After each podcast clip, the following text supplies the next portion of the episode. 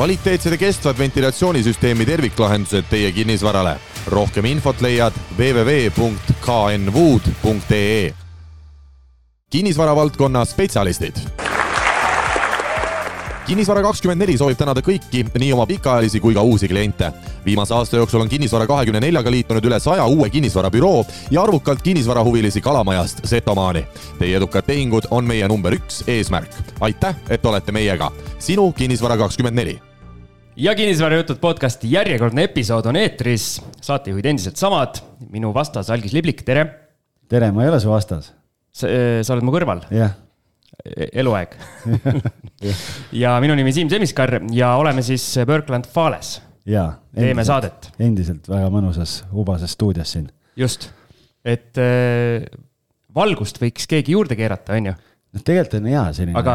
intiimne, vaata, sihuke mõnus äh, selline nagu. intiimne on siis, kui sa selle kamina paneksid põlema, mis siin, äh, okei okay,, siin ei ole, aga kui oleks ei no väga mõnus, vaata siis ei ole prožektorite valgust ei ole, inimesed tunnevad ennast mugavalt, kõik on nii nagu peab.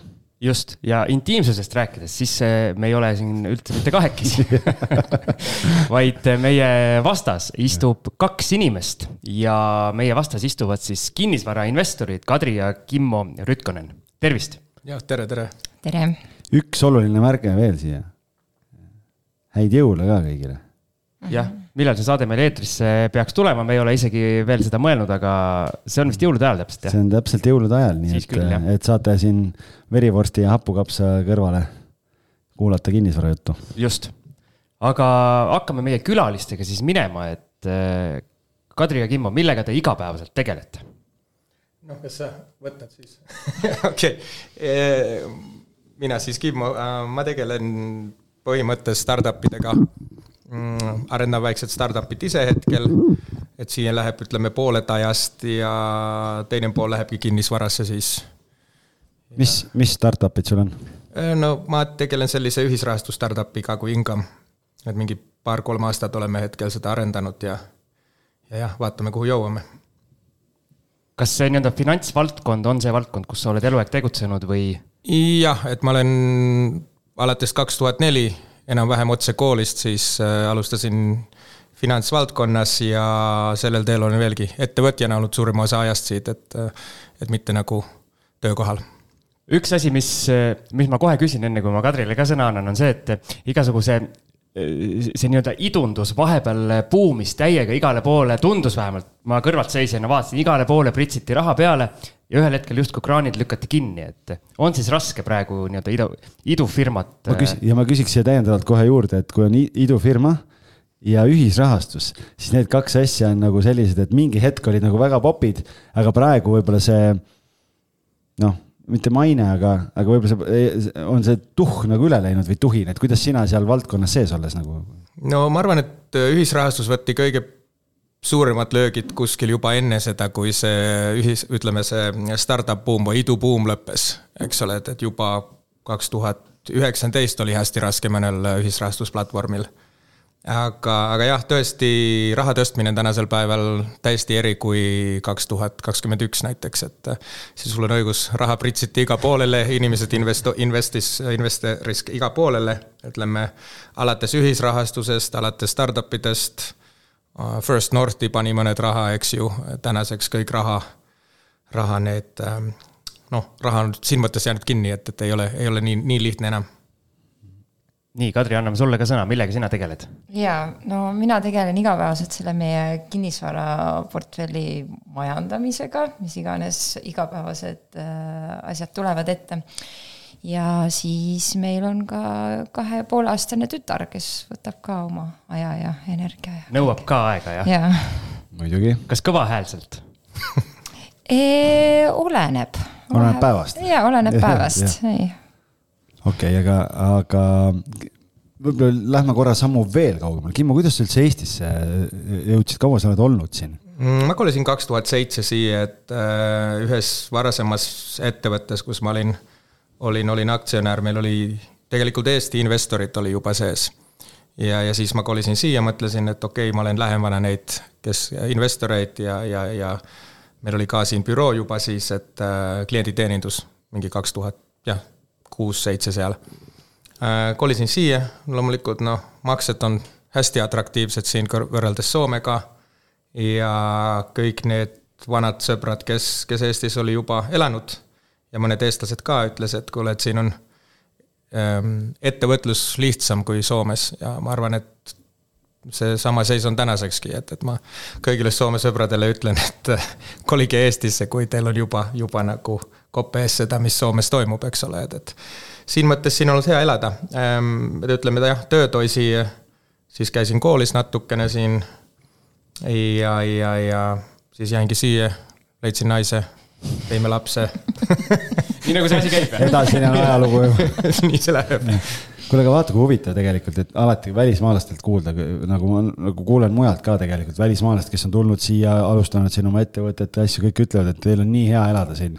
ja me ise vingume. digiühiskond, kõik ja. asjad, värgid ja siis räägid eestlastega ja kõik kiruvad, on ju, ütlevad, et kõik on nii valesti ja kõik on nii pekkis, on ju, et, et see on ikkagi see muru ikka tundub alati mujal rohelisem ja taevas sinisem. ja mina näen eriti seda kõrvalt, et äh, eestlased kogu aeg ju räägivad, kui hea on Soomes ja kui mm., kui, kui hea, heaoluühiskond ja kõik on ju, aga siis, kui kodus räägitakse nendest probleemidest ka, mis seal kõik on, et siis äh, jah.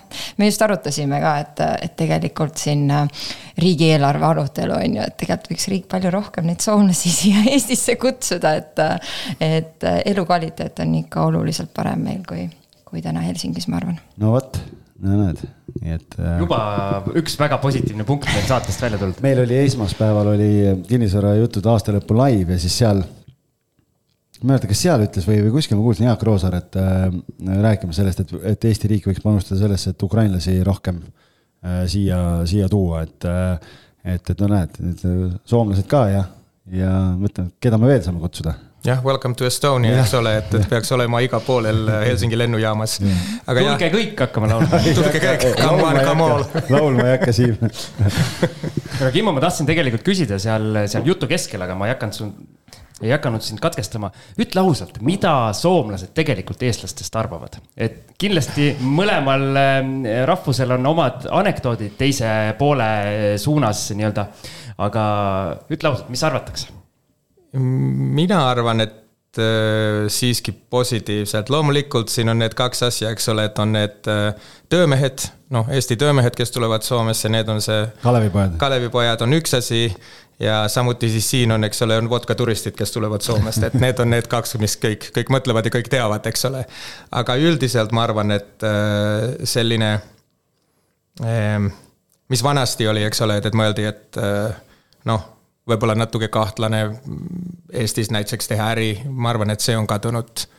et, et noh, vodkaturistid, Kalevipojad, need on, need on olemas veelgi, eks ju, et, et need mõtted. aga ma arvan positiivselt siiski. soomlasel lihtsalt on see, et on hästi raske kolida ära Soomest, eks ju. et, et mul need mõned sõbrad on sellised, kes nad alati ütlevad, ja ma ei, siin ei ole nii ja mul on nagu tead, maksed on nii suured ja raske elu ja seda ja. siis mõtled, no miks sa koli välismaale, et see ei ole vaja olla Eesti, et, et ükskõik kuskile. nojah, ma ei, ma ei tea, ma ei tea, siin on siiski, siiski okei okay olla. et äh, soomlasel on väga raske seda kolida ära, et lihtsalt see samm peab võtma, kui, kui, kui võtad okei okay,, ja Kadri, küsime sinu käest teistpidi, et kui sa hakkasid soomlasega kokku elama, et kas äh, see arvamus soomlastest kuidagi muutus või sai senine arvamus mingit kinnitust või mis, mis need mõtted olid? minul endal ei olnud mingit arvamust, aga see oli küll naljakas, et kui ma kellelegi ütlesin, et ma olen soomlasega koos, siis esimene mõte oli küll, et oled mingi vodkaturistiga koos, et. et iga nädalavahetus kui... sõidate ja, üle, üle lahe, mitte, mitte asju, jah et kuidagi jah, tollel hetkel võib-olla Eesti naised veel ei kujutanud ette, et, et Soomes võib olla väga toredaid äh, mehi ka. et. jah, ja enam ei jooka nii palju, eks ju. jah, jah, jah, just et Eesti naise võtmine mõjub tervisele hästi, ma saan aru. ei, see on väga hea olnud, väga, väga hea olnud siin, et äh, üks asi veel, mis ma tahtsin küsida, on see, et äh, kui ma ei eksi, siis Soome on alati maailma tipus äh, mingi õnneindeks või mingi sellist asja kuidagi arvutatakse. Miks soomlased nii õnnelikud on? ma ei tea, see on, ma, ma ei oska öelda, sul, mul ei ole vastust siiani, et kas me, kas me päriselt oleme nii õnnelikud, et, et see on huvitav see, et kust see indeks tuleb ja kust see võetakse. see on Soome sadamas peale seda, kui Eest-, kui tullakse Eestist tagasi. jah, võib-olla, võib-olla. ei, tegelikult ütleme, et äh, siis, kui mina kasvasin Soomes Helsingis kolmkümmend aastat, nelikümmend aastat tagasi, mul oli väga hea lapsus, et äh, väga hea oli. et äh, turvaline oli, kõike oli ja, ja, ja nagu kool oli väga mõistlik ütleme, liiga palju pingutamist ei koolis, koolis olnud, seda kuuleb ka, et Eestis on päris, päris mm -hmm. palju seda, lastel on päris palju stressi, noh, meil ei küll olnud, et meil oli päris hea elu, ütleme kolmkümmend aastat tagasi. ma arvan, et see viimane kümme, kakskümmend aastat võib-olla, et kus Soome on läinudki natuke eri teele, kui mis, mis oleks võinud. Sa, mis sa mõtled sellega? no ma mõtlen, et äh, majandus ei olnud ju sam-, piisavalt tugev, eks ole, samas proovivad hoida seda, mis see nüüd on Äh, welfare society't. heaoluühiskonda, eks ole, et äh, ja üldine turvalisus on ka läinud alla, eks ole, linnades, suuremates linnades, eriti kui Helsingist räägime. et jah, palju on muutunud see turvalisus on tõesti, et Eestis elamise puhul ikka me ise üldse ei taju seda tegelikult. aga, aga nii kui sa lähed Eestist välja või Kesk-Euroopasse, ükskõik kuhu, noh, USA peale mõteldagi, et, et see turvalisus on ikka väga oluline see nii-öelda väikese skaala turvalisus on see, millest me räägime, aga kui me räägime sellest idanaabrist, siis soomlase jaoks pole vist vahet, kummal pool lahte ta elab, et see, see nii-öelda väike bensiinijaama direktor on, on ikka kõrval jah, on, no eks, eks, aga see on alati olnudki soomlastele siin, et siis, kui ma olin Soome armees olin, siis alati idast tuli vaenlane, eks ju, et siis, kui me harjutasime mingi, mingi.... Rootsi kunagi ei ründa no, no. kindlasti mitte aga äkki lähme nüüd siis vaikselt kinnisvara juurde, et kuidas, kuidas te üldse kinnisvara juurde jõudsite, Kimmo, kas sa olid enne juba kuidagi otsapidi kinnisvaras, kui te kokku saite või hakkas, hakkas see teekond teil koos? Äh, ütleme nagu professionaalselt hakkas koos, aga, aga ma olin kuskil kaks tuhat kolmteist, vist ostsin Rotermannist äh, esimese korteri kahetoalise siis me olime ka juba koos. me olime ka, olime koos vaata, kui kiiresti aeg läheb aga jah, aga siis oli lihtsalt, et äh, hajutada omad investeeringud natukene ja, ja kui ma nüüd mäletan õigesti, siis kaks tuhat kolmteist veel oli Rodermanni korterid äh,. tundus odavalt, eks ole, minu jaoks, et need oli minu meelest need viimased korterid, enne kui kõik taastus lõplikult siit äh, masust, eks ole. et siis ma ostsin selle esimese, panime üürile ja, ja, ja. aga kust see mõte üldse tuli? Eh, vist tundus lihtsalt, et on odav, eks ole, et ma võrdlesin Helsingiga ja eks tahtsid nagu, hajutada ka. tahtsin hajutada ka oma investeeringuid. kus sul muidu olid, mis varaklassides? no mul oli mingi väikseid aktsiaid oli ja, ja siis eks ma neist ka eriti, eriti ei olnud süvenenud, ma ei tea, et kas ma sain neist päriselt sain aru ka nagu nii palju, kui oleks pidanud. aga kinnisvara tundus äh, selline nagu noh, konkreetne, kust on lihtne saada aru, kassavoog on, eks ole, ja, ja siis ma ostsingi esimese korteri pangavõimendusega ja, ja, ja siit see siis läkski, eks ole, siis oli võimalus vist, mis oli Kentmanni tänaval, oli kaks tuhat seitseteist oli vist järgmine. et neli aastat oli vahet siis? ja, ja, ja et äh, lihtsalt tiksuski, kogu aeg oli üüritud, tundus, et on mõistlik ja siis vist oli ka raha kogunenud nii palju, et, et mõtlesin, et okei okay,, ma ostan teise siia kõrvale ja oled sa vaadanud tagasi ka või noh, kindlasti oled, aga mis mäletad sa, et äh, kaks tuhat kolmteist versus nüüd kaks tuhat kakskümmend kolm, et kui palju Rotermanni korterid tõusnud on hind selle ajaga mm,? ma arvan, umbes topelt on, et, et kui ma õigesti mäletan, siis ma maksin mingi kaks tuhat viissada eurit ruutmeeter. et noh, eks on, ma arvan, et see. kaks tuhat kakssada kolmkümmend kaheksa. no näed, raamatupidaja no, kõrval. vaata, see ongi täpselt see, kuidas, see, miks meil töötab see asi, eks ju. kaks tuhat kakssada kolmkümmend.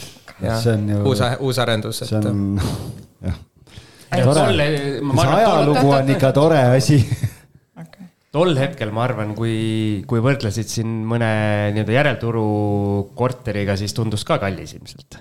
ja loomulikult, aga jah, siis mul ei olnudki seda mõtet, et, et võiks nagu osta ja, ja renoveerida, et ma lihtsalt, ma arvan, et alustasin sealt, mis mõned investorid ja eriti soomlased mõtlevad, et okei okay,, ostan uuest majast ei ole probleeme, meil on need äh, toruremondid, kõik asjad, kõik ehmatavad Soomes näiteks ole, et kuna torud plahvatavad ja kui kalliks see läheb, eks ole.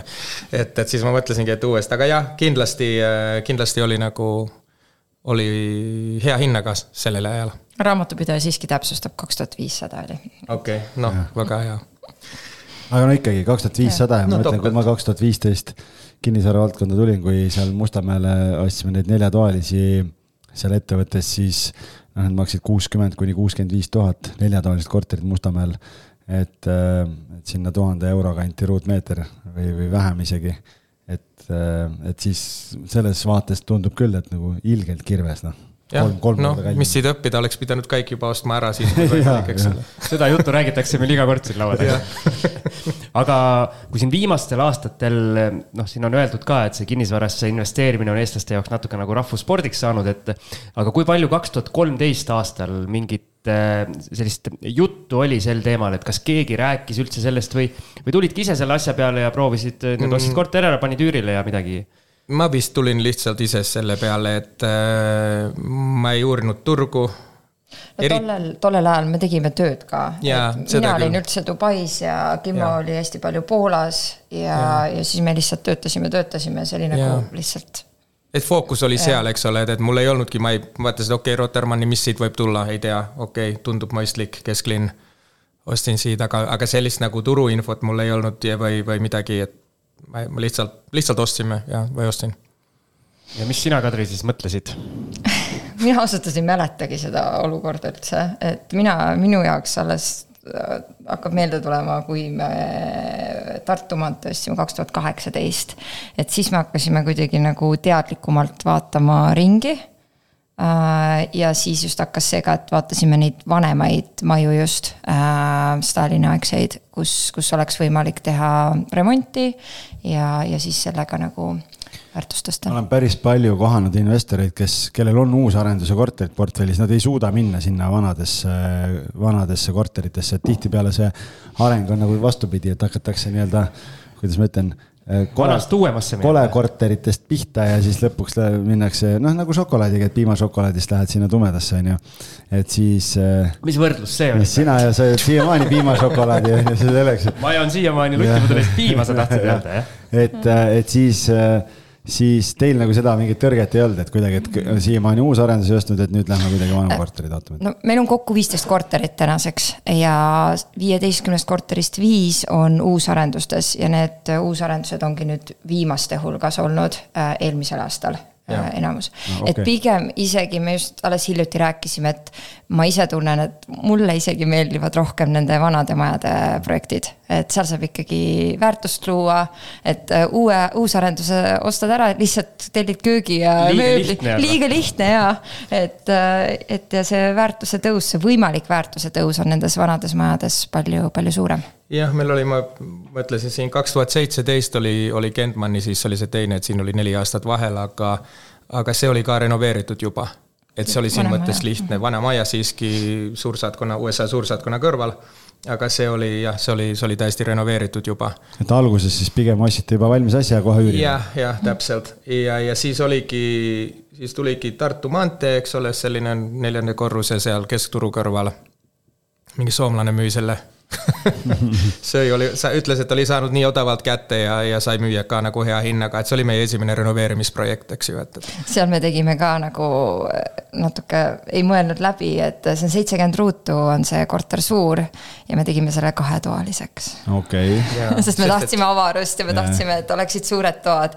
aga jah, kui üüri, üüriturgu vaadata, siis seitsekümmend ruutu võiks olla väga hea kolmetoaline ka. kui ruutmeetrite järgi vaatad, seal ja. ongi meil kõige, kõige halvem tootlus, eks ole, ruutmeetri kohta, et. aga seda me ei osanud siis vaadata. jah, neid ei osanud midagi, noh jah, ja me tegime pooliku remondi seal ka, et mitte nagu kapitaalselt, et, et lihtsalt selline esimene testikorter, ütleme. ehk siis, ehk siis nii-öelda koolirahad või õppimis, õppimiskõver oli seal ära, jah? no see no,. esimesed. jah, esimesed ah, oli seal. aga seda, aga seda mõtet siis ei olnud, ei ole olnud hiljem, et okei okay,, teeme kolmeseks ümber, et. Äh. ei viitsi vist, et äh, hetkel on üüril, eks ole, kõik korterid on üüril, et, et, et. pigem peaks ta niimoodi üles vuntsima, et ta oleks nagu tõesti nagu. no nagu luksuslik. väga luksuslik kahetoaline. sest et siin on suur elutuba ja kõik aga jah, et, et äh, miks mulle nagu vanad meeldivad, võib-olla jälle, et äh, kui ma kasvasin Helsingis, siis ma vaatasin neid vanu maju tööle või, või, või Lõuna-Helsingis, eks ole.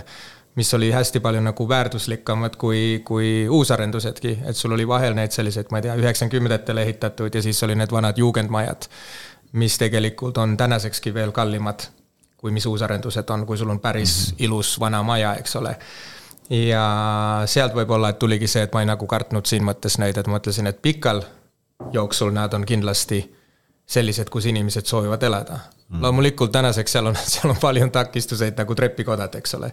ükskõik, millise sa teed korterist, hästi luksuslik ja trepikoda on nagu noh, nagu nad on.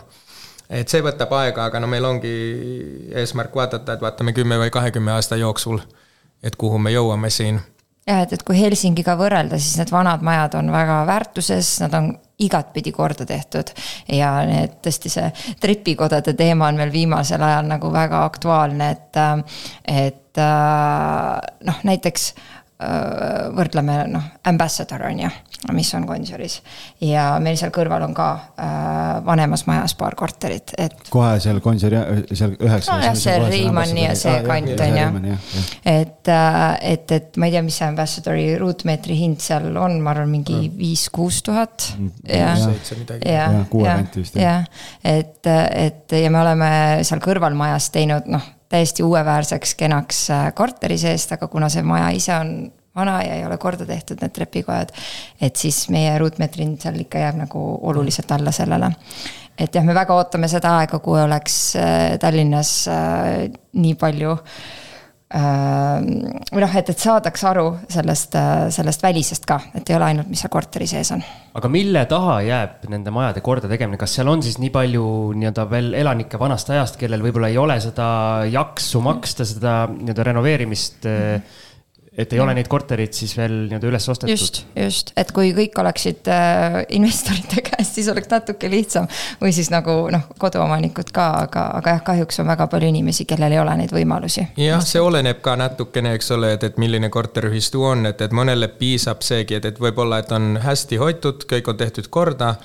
aga, aga mitte nagu ütleme sellist keskmist paremale standardile, eks ole, noh katuse sa teed sa teed katuse, katus on korras. aga trepikodas sa võiksid kasutada natuke rohkem raha, me ei räägi nagu suurest rahast. lihtsalt, kui nagu soov oleks teha, siis, siis äh, paned viissada eurit juurde, ostad natuke ilusamad lambud, lambid ehm,. värvid natuke ilusamani, teed korda põrandad, et see, me ei, me ei räägi nagu meeletust summast. et äh, mõnesti on lihtsalt see, et noh, okei okay,, see on korras, meil ei ole vaja sellega tegeleda. värvime sellesama pruuni värviga, mis me ja, oleme viimased kakskümmend aastat värvinud. mul on allergia tekkinud pruuni värvi vastu. no mis see roheline on, mis, mis vahepeal näed, selline tuu, tuumaroheline. selline pissikollane tuumaroheline. jah, no selline, jah, et see on üks asi ja siis teine on, teine on kindlasti see, et, et et on selliseid korteriühistuid ka, kus ei ole tehtud korda õigel ajal asju et ma nagu ütlengi, et inimesed on nagu elanud kunstlikult odaval seal, et nad ei ole lihtsalt soovinud teha neid, mis on vaja teha korda. ja nüüd plahvatab. ja nüüd plahvatab üle, et näiteks meil on siin Tartu maantee kakskümmend neli on hea eesmärk siit, seal on Stockmanni vastas, Stockmanni vastas selle tähega, tähega, jah. no seal on see. kas teie, teie ei läinud seda tähte maha viilima, kui see Eesti meedias kõige kuumem teema korraks oli. ei, ei, ei, ei, ei, et, et. ma vaatasin, et sellel majal on akende peal on põlevad tähed ka, et seal on kas korteriomanikega kokku lepitud. see oli IGE kampaania eelmine oli, aasta ja, ja nad valisid ühe maja välja Tallinna kesklinnas ja siis äh, veel juba paar aastat tagasi. et see on superilus maja, eks ole, meil on seal üks sadaruutne korter, meie ainult nelitoaline mm, -hmm. mis me ka tegime hästi korda ja jah, tegelikult seal on see, et, et seal on katus on tehtud aga muud asjad lihtsalt ootavad, et koguvad raha fassaadi korda, fassaadi jaoks. aga eks need äh, remondihinnad tõusis ka päris korralikult siin, et kõik raha, mis nad on kogunud, siis tundub, et äh, inflatsioon sööb selle ära. Nad muudkui koguvad ja koguvad ja koguvad, aga midagi ei tehta. selle asemel, et oleks selle teinud õigel ajal ja seal on ka see, et, et eks ole, et seal on nagu noh, see on ta jälle eesmärk siit, et vanades majades igasuguseid äh, korteriühistuid, kus on vanast ajast, uuemast ajast inimeseid ka et seal tundub, et seal on nagu kolm faktsioonid, kes, kes natuke tõmblevad, et, et mis peaks tegema ja, ja, ja nagu noh, eks sellist see on, aga jälle, kui vaatad kümme, kahekümne aasta jooksul edasi või kakskümmend, kakskümmend aastat edasi, siis ma arvan, et äh, kõik saab korda, et, et, et aga tänaseks jah, tänaseks see maja on näiteks selline, mis oleks väga suur huvi osta juurde aga kui seal ei ole asjad korras, siis äh, tundub, et see on natuke nagu uninvestable või, või, või mitte selle väärt. kommunaalid mm -hmm. lihtsalt on nii, nii, nii räiged et.... ehk siis ma saan aru, et äh, Tallinna kesklinnas äh, võivad olla täpselt samasugused probleemid kui näiteks Kehras. kui, kui ühistu töötab, siis ta töötab ja kui ühistu ei tööta, siis ta ei tööta ja On nii? mul täna värske näide, ma tulin just otse stuudiosse, tulin Koplist korterit näitamas, kaheksa korteriga maja, puumaja, noh nagu terve see kalamaja on täis neid. ja, ja maja on kehvas seisukorras ja alles sellel aastal nüüd äh, mõned kuud tagasi, pool aastat tagasi hakati remondifondi koguma, praegu on alla tuhande euro, on ju. ja probleem on selles, et äh, kaheksast korterist kas kolm või neli kuulub ühele omanikule, mingi vanem naisterahvas on ju, üks korter on tühjane, üks on välja üüritud, ühes elab ise. ja, ja ühtegi tööd ette võtta ei saa, sellepärast et tal finantsiliselt ei ole võime võ, nagu võimalik. ja ülejäänud majarahvas tegelikult tahaks ja noh, kui lihtne oleks tegelikult seda ära lahendada selles majas, müü üks korter ära jah, tekib kohe väga suur finantsiline äh, nii-öelda võimekus ja saaks tegelikult maja korda, elukeskkond paraneks, kõik asjad, aga inimene on oma vanades mingites äh, mõttemustrites ja, ja probleemides või, või emotsionaalses mingis väärtuses nii kinni, et teda ei huvita noh, et, äh, et äh, selline nokk kinni, saba lahti. noh, eks seal on Roosikrantsi tänaval on ka sarnane maja. selline vana, siin oli mingi Jamaica baar oli kunagi all, eks ole, selline, võib-olla et mõned teavad, kus on suurim osa kortereist on äh, ühisomandis. ja ka seal on ka üks, üks inimene, kes omab, ma ei tea, kümme korterit ja tegelikult ei soovi midagi teha. ja ei olegi midagi teha, lihtsalt oodata, et ühel päeval hakkab müüma ja uued inimesed tulevad ja aga see tegelikult on see ju nii ajuvaba, et sul on vara, sul on kümme korterit ja sind ei huvita see, et su vara väärtus tõuseks, vaid sul on see, et nagu suva, et, et mõtlemata selle peale, et ühel hetkel, kui see maja ära laguneb, noh, et siis nagu see väärtus, sul pole midagi väga midagi pihta hakata, on ju, et. pluss ta hoiab siis teisi omanikke pantvangis justkui. ja investorina sinna sellesse Kopli majja täiesti mõttetu investeerida või osta Jah. midagi. noh, selles mõttes ta on, ta on jah, nagu hirmutav mm -hmm. inimestele Jah. emotsionaalselt, sest mina pean selle info edasi andma. Jah äh,, aga siis, kui inimene mõtleb, kuigi seal on jälle kaks poolt, on ju, et noh ähm, täna ka kliendiga käisin, siis ma ütlesin ka, et, et siin on nagu nende puumajadega ongi sellist nagu sihukest nagu, kuidas ma ütlen. Neid maju, kus on see kuldne kesktee või kuidagi, et pikalt on kogutud ja kõik on normaalne ja need kulud ei ole suured.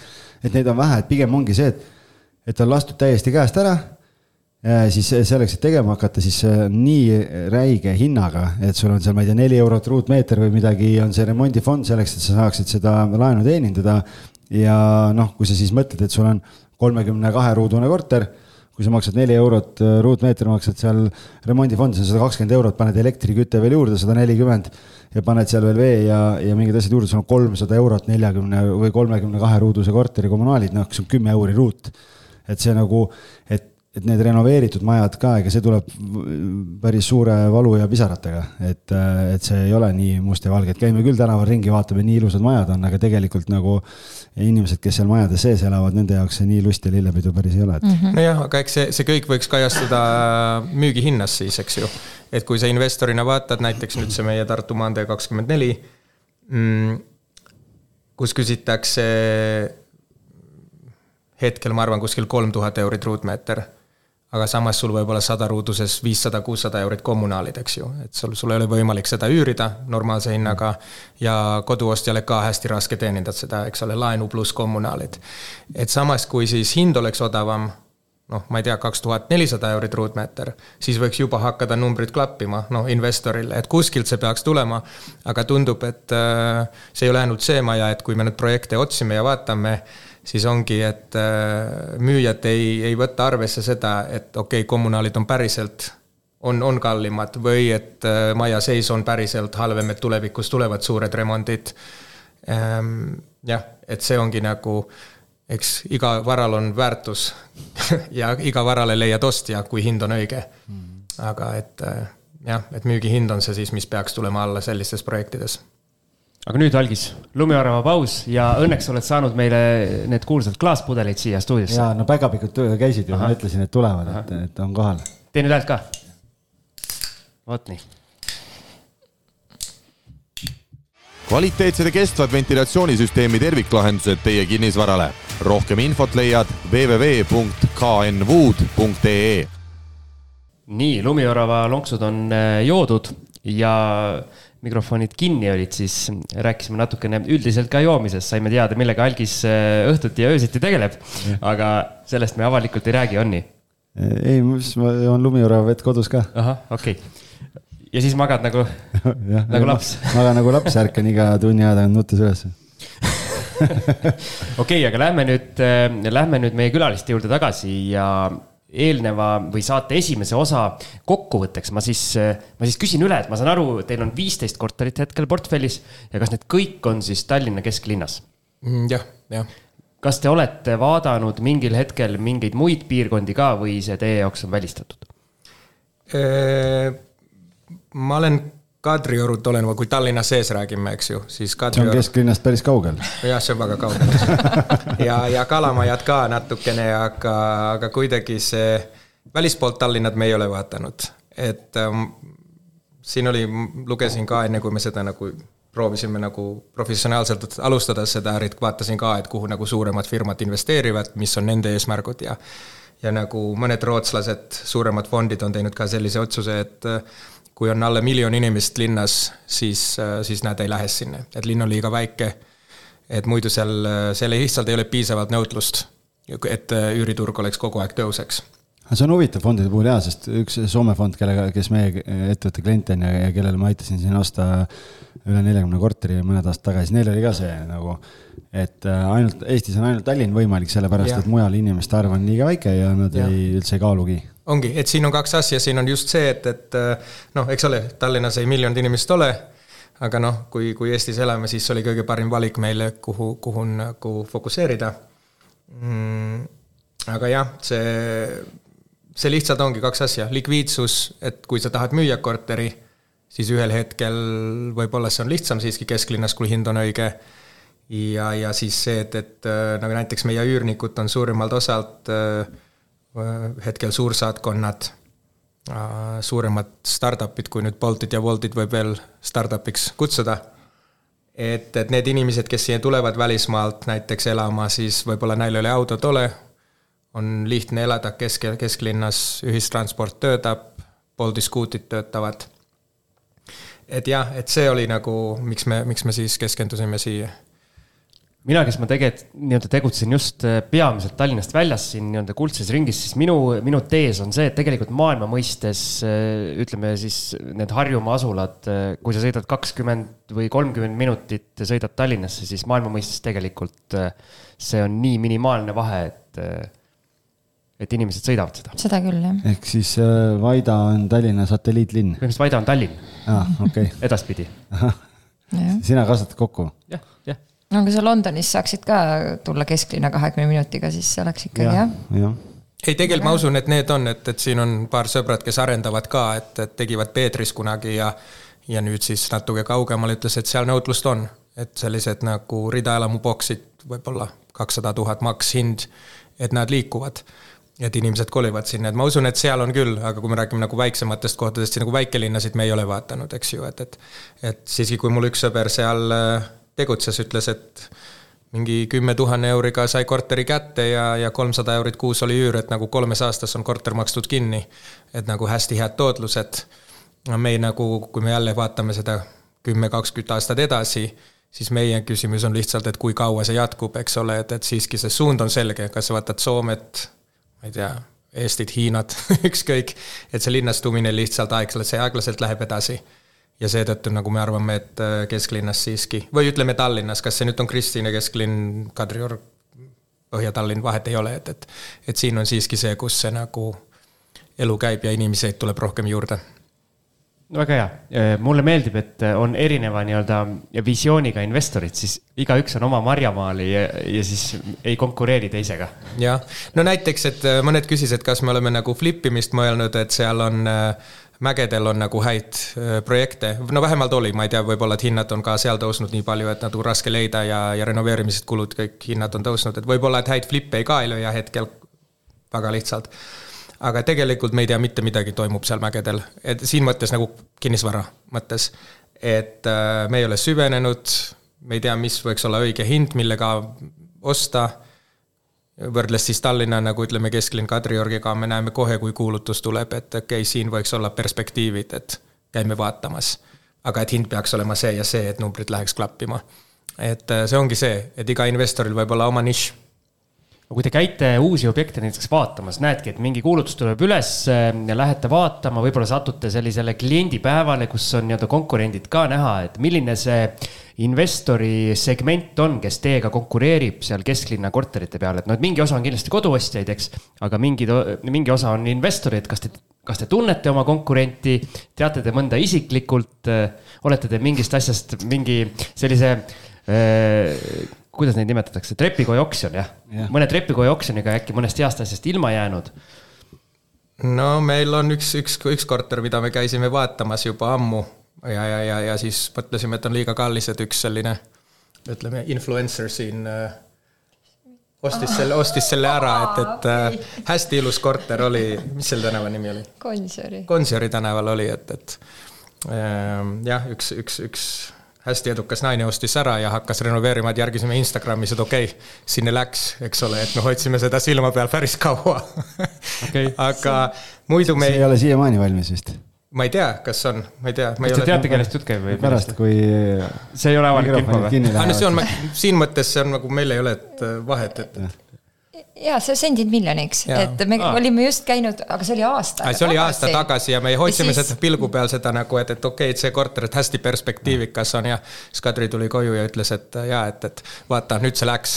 vaata, kui huvitav kokkusattumus meil esmaspäevasel, kui meil oli see kinnisvarajutud aastalõpu lai, siis, siis Anni-Fried oli üks külalistest seal just ja siis ta just rääkis, et see on tal kõige südamelähedasem. südamelähedasem projekt, sellepärast et ta reaalselt nagu ja ta ütles, et ta edaspidi võib-olla kaalubki üldse seda suunda minna, sellepärast et ta on ka teinud Mustamäed siiamaani.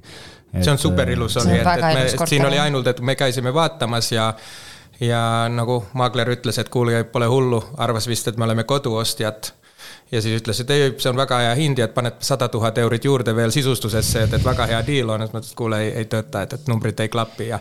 siis me jätsime selle, et siin on nagu jälle see, et kui numbrid ei lihtsalt klapi, siis me jalutame minema.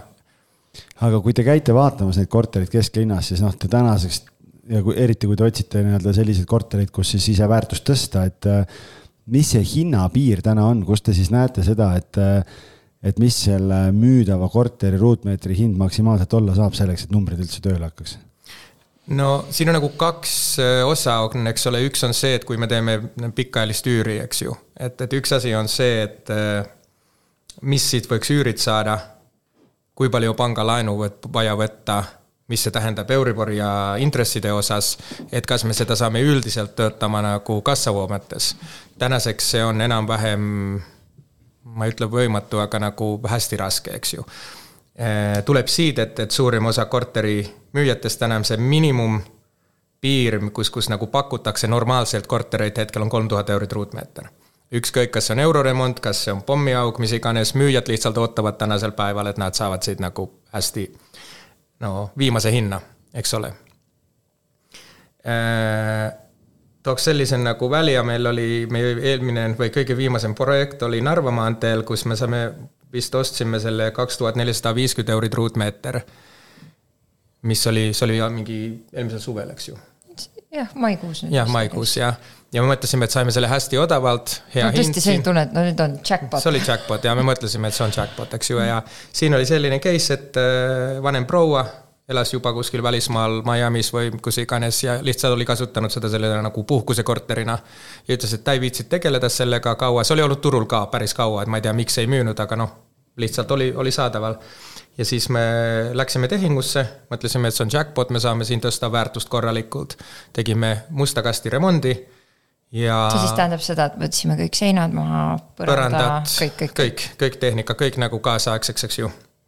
mis on enam-vähem meie lähenemine niikuinii, kui me teeme neid projekte seetõttu, et, et kui sa hakkad osaliselt renoveerima, siis noh, seinad on viltu, põrandad on viltu, kogu aeg tuleb sellist väikest jama, eks ole, ja kui sa tahad jälle teha sellise korteri, mis vastu peab järgmised kümme aastat, noh, siis ongi võib-olla mõistlik teha. no ühesõnaga, meil läks umbes tuhat eurit ruutmeetri kohta see oli ehitus pluss sisustus. ja ehitus pluss sisustus, et no just ongi, et valmis korter, et, et siis meil oli valmis korteri hind oligi remondiga koos mingi kolm tuhat viissada ja me saime vist kolm tuhat seitsesada umbes hindamisakti. ja noh, tundubki, et kolm tuhat seitsesada ongi hetkel see maksimumpiir, mis sa saad, umbes kaheksasada kuni tuhat on remondikulu ja et sa saaksid selle kasumisse, siis sellise nagu kapitaalremonti vajava korteri hind peakski olema kuskil kaks tuhat nelisada, kaks tuhat viissada, et, et siit jääks nagu mõistlik puhver, noh, see ei ole mõistlik ka, eks ole, mingi noh, sada eurot. mingi ootamatus tuleb kuskilt kolm või viis tuhat läheb ja. just, ja siis ja ongi ja siis ongi just kadunud, et, et äh, need projektid, mis me oleme teinud kuskil kaks tuhat kakssada eurit ruutmeeter saanud kätte ja remont, kus siis, kui remondihind oli mingi ütleme kaheksasada, kuussada ruutmeetri kohta, no need on, need on tugevalt kasumis ja siis on mõistlik võtta ette sellist projektit. Ja ta on nagu raske öelda, et mis, mis oleks õige hind, aga noh, ütleme, et ruutmeetri põhiselt kapitaalremonti vajav kaks tuhat kakssada kuni kaks tuhat nelisada. muidu jääd kahjumisse, eks ole, uue hindamisakti järgi. aga kas äh, kõik projektid peavad olema teil igal juhul rahavoo positiivsed, et äh, ajate te rahavoo positiivseks? See on no, läinud niimoodi, sest turg on toetanud viimased aastad seda, sest jah. hinnad on kogu aeg läinud üles, üles, ülesse.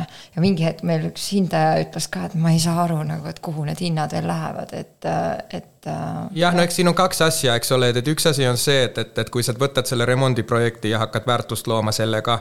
no ükskõik, kas sa flip'id või, või hoiad seda pikaajalises üüriäris no flip'is sa saad sularahas, eks tuleb kasum, aga kui sa hoiad seda bilanssis firmas, siis sul tuleb paberikasum siit. eks ole, et, et vahet ei ole, kas sa müüd või kas sa hindad selle üles omas bilanssis ja siis, kui sa hindad selle üles, siis seda sa saad kasutada pangas oma finantseeringu osana, eks ju. et see esimene asi on see, et see remont peaks jääma kasumisse. noh see on mm -hmm. nagu see, mis me nagu mhm. eeldame, eks ju. et siis sa viitsid tegeleda selle kolme kuud sellega, kõige selle jamaga, võtta selle riski, et midagi tõesti tuleb sealt äh, välja kuskilt põranda alt. Ähm, see on nagu üks asi ja siis teine asi on see üüritootlus. kui palju laenu peab võtma, kas see üldiselt jääb kassavoog, jääb positiivseks. et seal tuleb juba panga tingimused, et äh, üks koma kaks korda peab äh, üüri ületama igakuised laenumaksed, eks ole, mis on praeguse Euriboriga hästi raske. et äh, see natuke jah, see piirab natukene kas pank vaatab seda ühe projekti või ühe korteri lõikes? minu meelest ta vaatab seda kogu portfelli. meie jah, meie puhul portfellis jah, ja, ja portfelli põhiselt vaatab, et, et siin mõttes meie vanad projektid toat-, toetavad aga oleks siiski hea, et. Äh, et uued tulevik... projektid alla ei tõmbaks. just, just, just, et äh, noh, õnneks Euribor hakkab nüüd natuke vilst langema okei okay,, no küsi. no küsi sina. ma tahtsin Ole küsida hea. lihtsalt, et kui. jõulude puhul. kui te olete nüüd oma portfelli sinna viieteistkümne peale kasvatanud, et kui aktiivselt pank nagu jooksvalt jälgib seda DSCR-i äh, koefitsienti siis? Äh, meil on niimoodi tehtud, et äh, me saadame kvartali reportid, raportid neile ja tavaliselt me saadame ka siis üürininkude nimekirja lihtsalt nagu rent, mis see nüüd on, renditabeli, üüritabeli jah et kus on näha, et mis on üüritud, kui pikaks ajaks ja et äh, mille hinnaga, eks ju. aga neil on põhiline, neil on see, et nad teevad korra aastas äh, sellise noh, kerge auditi siin mõttes, eks ole. ja vaatavad selle järgi, et, et kas, äh, kus on LTV, et siis loan to value, noh, mis on vist piir on hetkel mingi kuuskümmend protsenti, me oleme kuskil kolmekümne viie peal. et seal meil on nagu võimalus veel kasvatada laenu, laenumahtu ja siis teine on see DSCR, eks ole, et seda nad vaatavad lihtsalt üüritulu võrdles sellega, palju läks pangale igakuiselt. või ütleme, iga aasta, eks ole.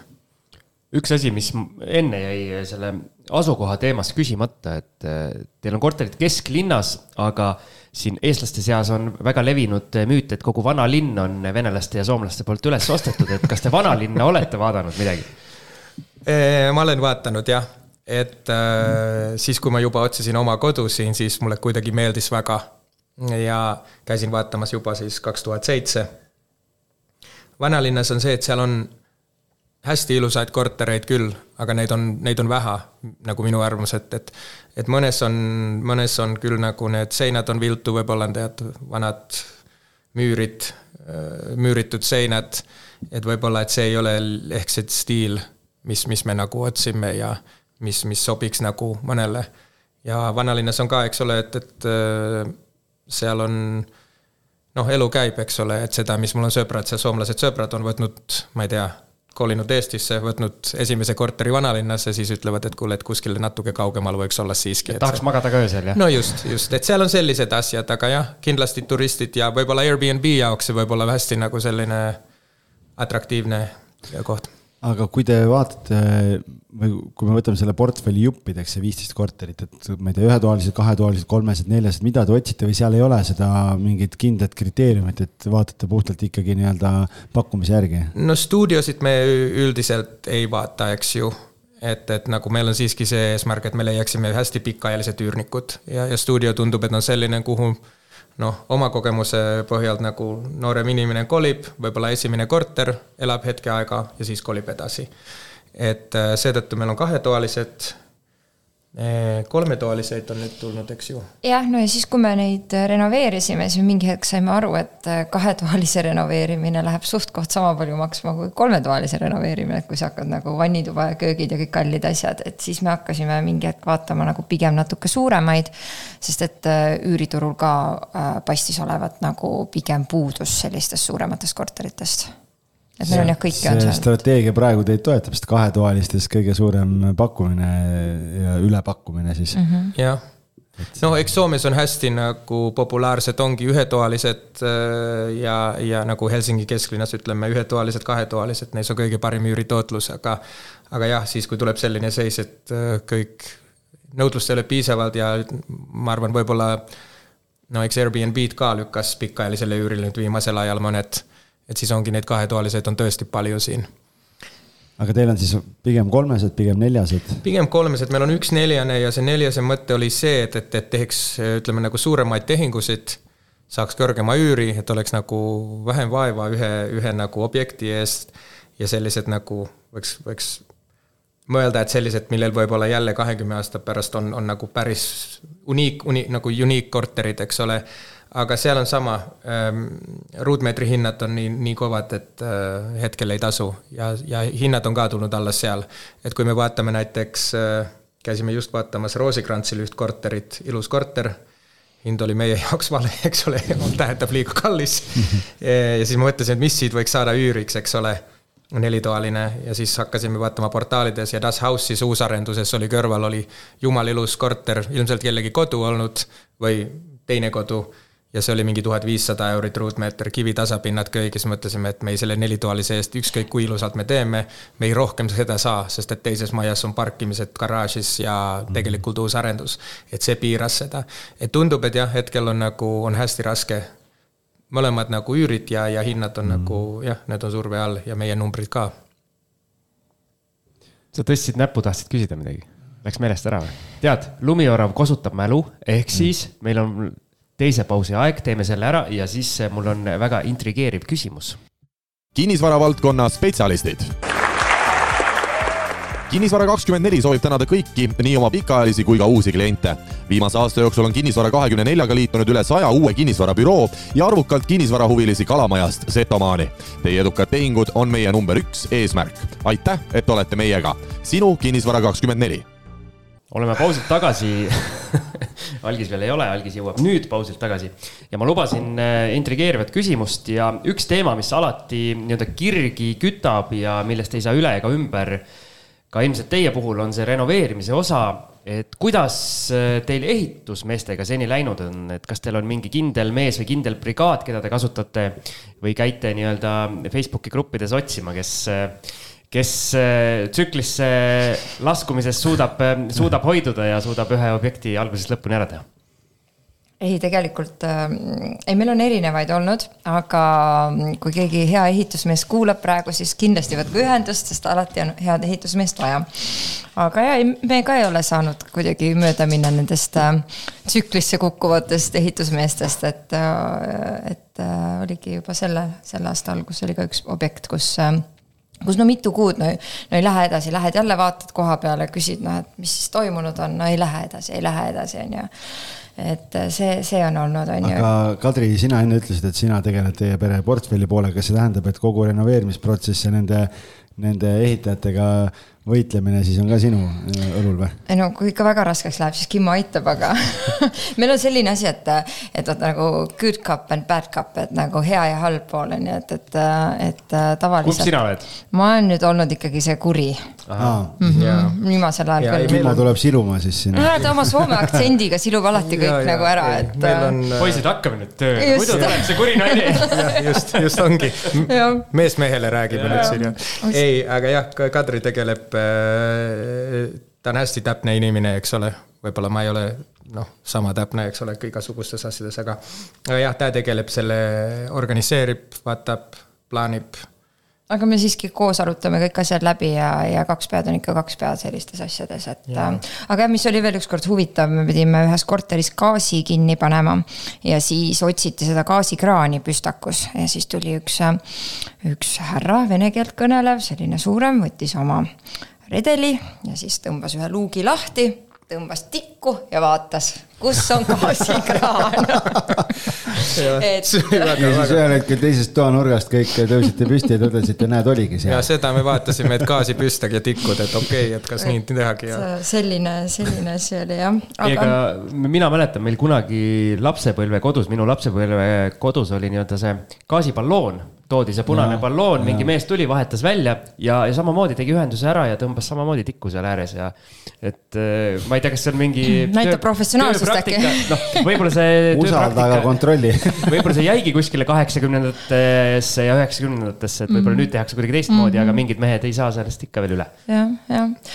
no ja siis, mis meil on veel olnud, et äh, kui ikkagi lammutamiseks läheb, siis võib olla üsna kindel, et mingi vesi kuskilt hakkab lekkima või tilkuma, et siis tuleb nagu alati olla hästi-hästi tähelepanelik, et, et alumisi. midagi valesti, toru ise hakkab ju. no just, just, just, just, just et.... aga teil on nüüd kindel välja kujunenud nagu koostööpartner siis, kellega teete või? no hetkel meil on nagu üks äh, selline, kes, kes teeb hästi, ütleme, et äh, iga sammu ei ole vaja olla ise üle vaatamas, et see on meile ka nagu oluline, et, et, et sellist nagu ehitusvalvet ei viitsi teha, et äh,, et kui sul on töömees, kes, kes päriselt, no neid on kuulnud, neid lugusid, et, et panevad kraanid kinni niimoodi, et, et kraanid ei saa lahti, et on liiga lähedal seina ja uks läheb lahti kuidagi valesti, et sa ei saa ruumisse sisse ja mis iganes et, et aga jah, et hetkel meil on, meil on üks selline nagu kindel partner siin, kes, kes teeb hästi, noh, ta on selline ühe mehe firma ka, eks ju.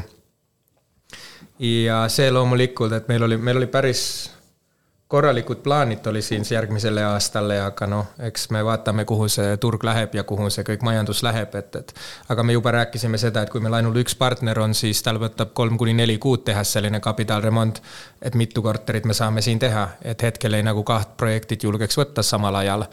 Ja siis, kui sul on ainult üks partner, siis ootad, et kas tal on neid teine objekt, mis ta töötab, eks ole, ja siis kuna tal on aega, et see on nagu aeglasem see protsess, kui mis me sooviksime aga jah, me vaatame veel, kui nüüd saame jõulud läbi, et, et mis, mis, mis meie plaanid järgmisele aastale üldiselt on. aga räägi, Kadri, kui sina käid näiteks selle ehitusmehega seal jagelemas või näiteks korterit eh, potentsiaalsele ehitusmehele näitamas, kas on mingi hetk see ka, et tuleb naisterahvas, hakkab midagi ehitusest rääkima, et siis need ehitusmehed noh mingi eelarvamus, et ah, mida see naine ikka teab, et. Äh, no ma vahepeal üllatan neid, ma teen selliseid nagu kontrollasju, küsimusi ja siis nad on nagu ahaa, et, et, et ta ikka jagab natuke matsu ka. hüdro ikka panite plaadi alla või?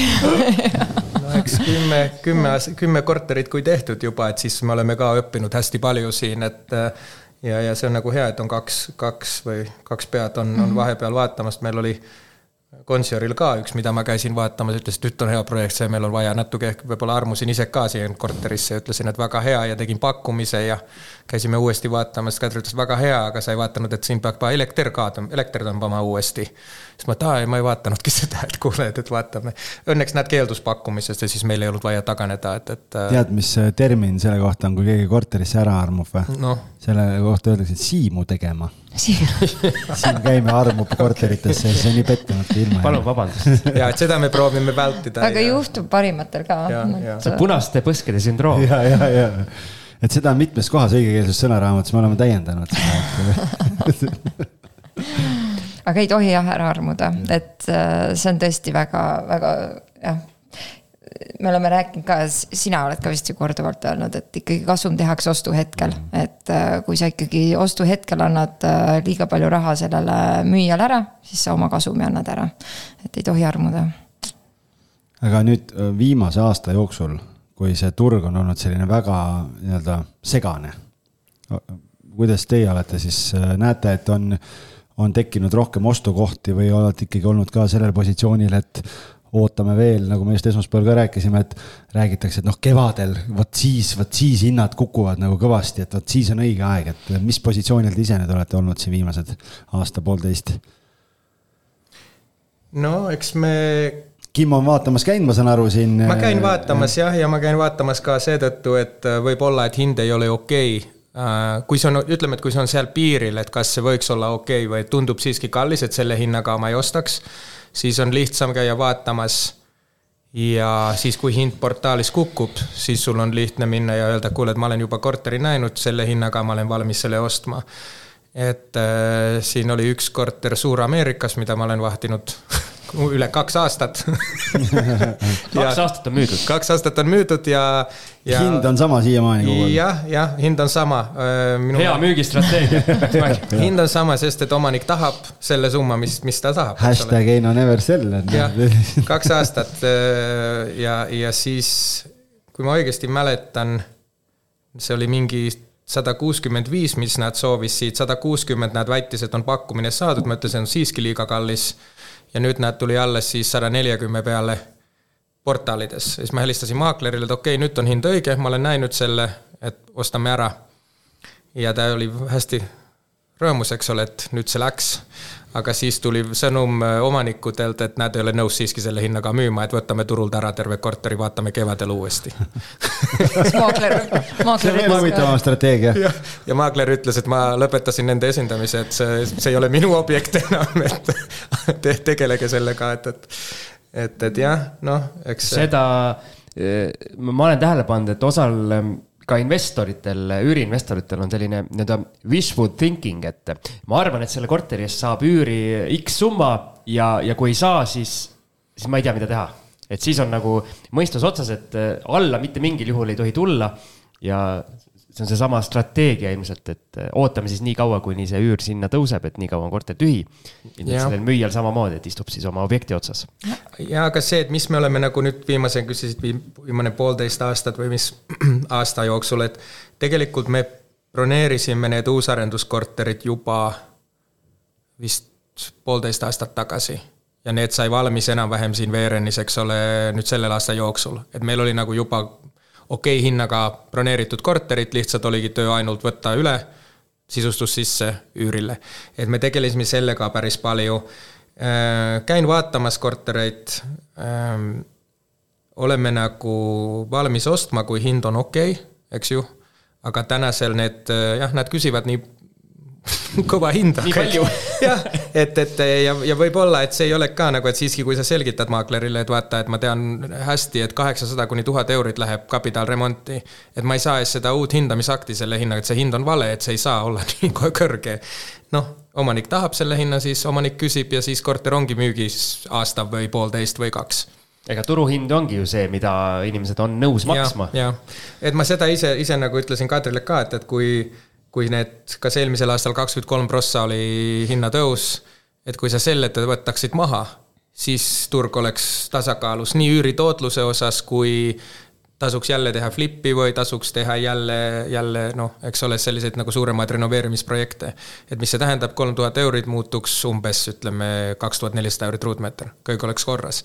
et mulle tundubki, et see noh, hinnatõus kuidagi tuli ette, eks ole, et, et kui see oleks olnud mitme aasta jooksul nii, siis turg oleks üüride osas ka jõudnud ka noh, kohale.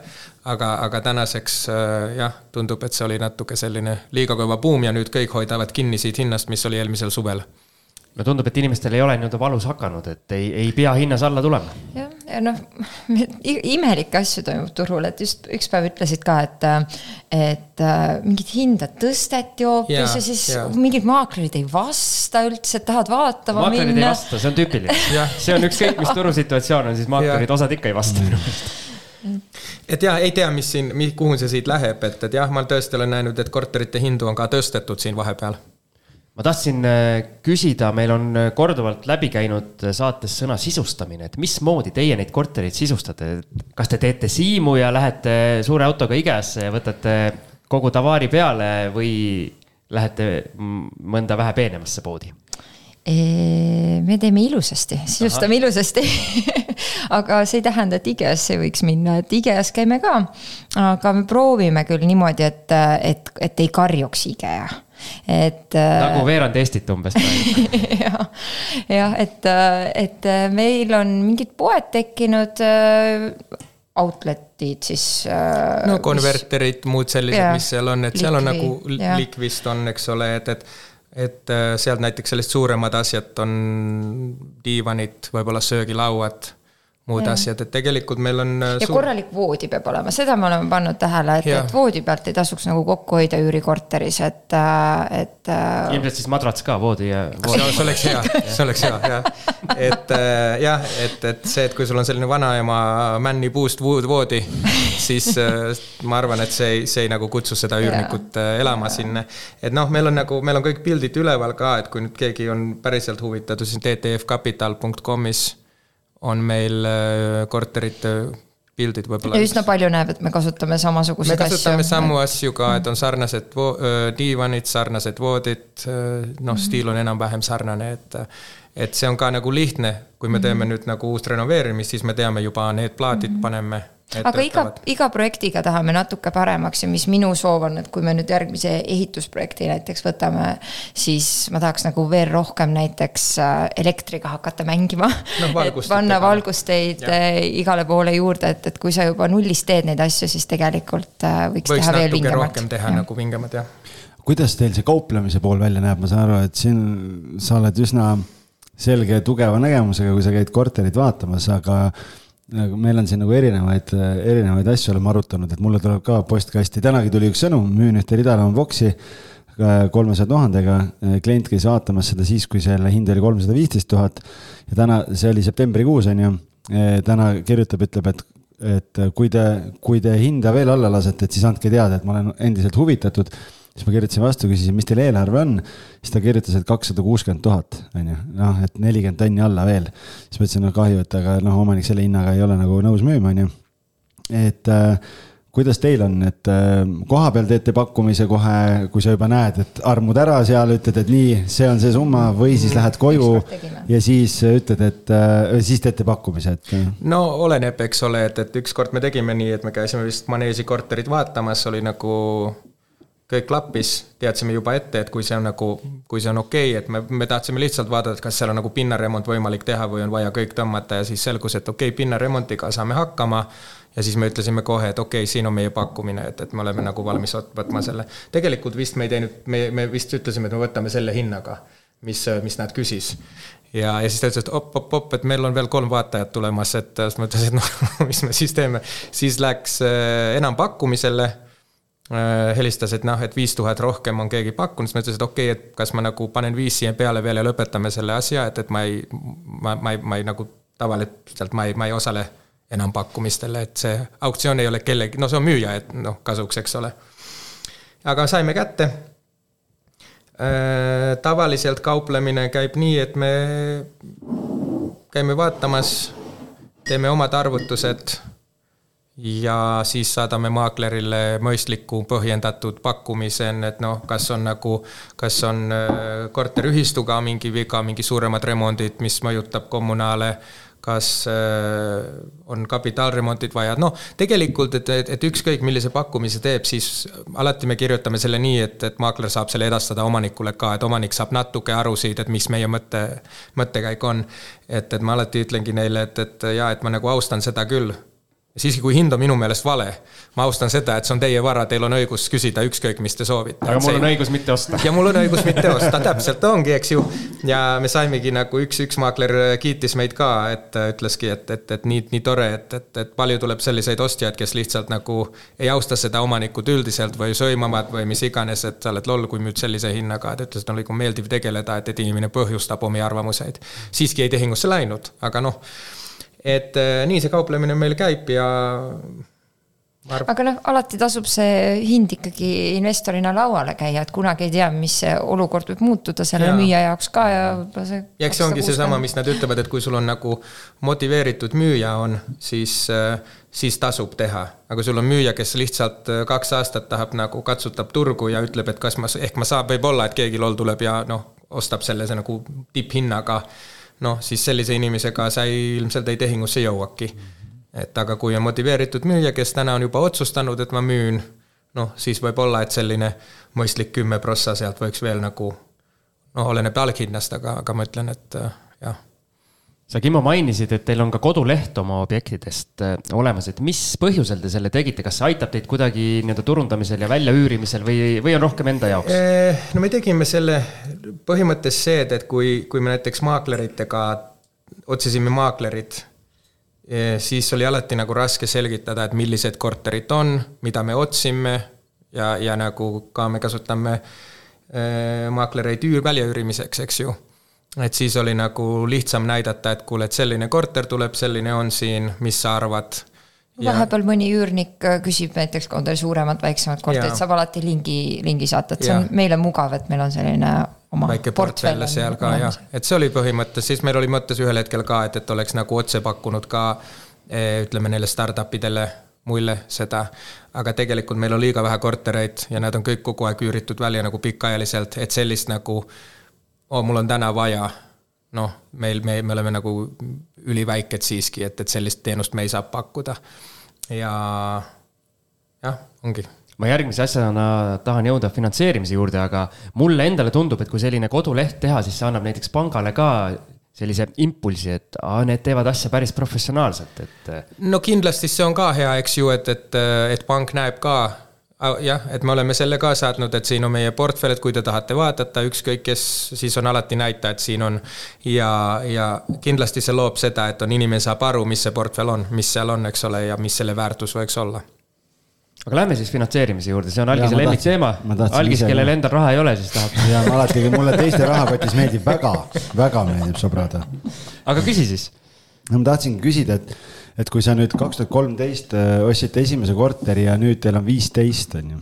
ja see, äh, minu arust mainisid ennegi oma jutu sees, et, et juba esimese korteri ostuks kasutasite panga, pangalaenu, et äh, kuidas te näete aja jooksul, et, et see pankade nii-öelda suhtumine või, või pakkumised teie suunal on muutunud, kui see portfell on kasvanud, et kust kohast, kas seal on mingi selline sweet spot ka, kust alates te näete, et oh, et, et sealt muutute nagu panga jaoks nagu väga oluliseks suureks kliendiks juba, et on kuidagi, olete täheldanud ka seda? no jah, eks see kaks tuhat kolmteist, see esimene korter ja teine korter ja need oli mõlemad ja isikliku pangalaenuga, eks ole, et nagu kodulaen, eks, teine kodu.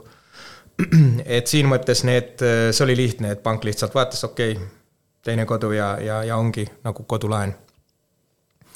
Ja siis äh, ma arvan, et, et kas meil oli mingi neli või viis korterit, neli-viis korterit meil oli ja siis pank soovitas või, või küsis, et kuule, et mis oleks, kui me paneksime need kõik ühte portfelli ja hakkaks vaatama seda portfellipõhisena, seda nii neid äh, tingimuseid nagu DSCR-id, debt service coverage ratio't ja LTV-d ka, et vaataks pigem portfellina seda, et siis oleks lihtsam neil haldata seda, eks ju, ja siis oleks ka kõik need noh, eks ole, noh eh,.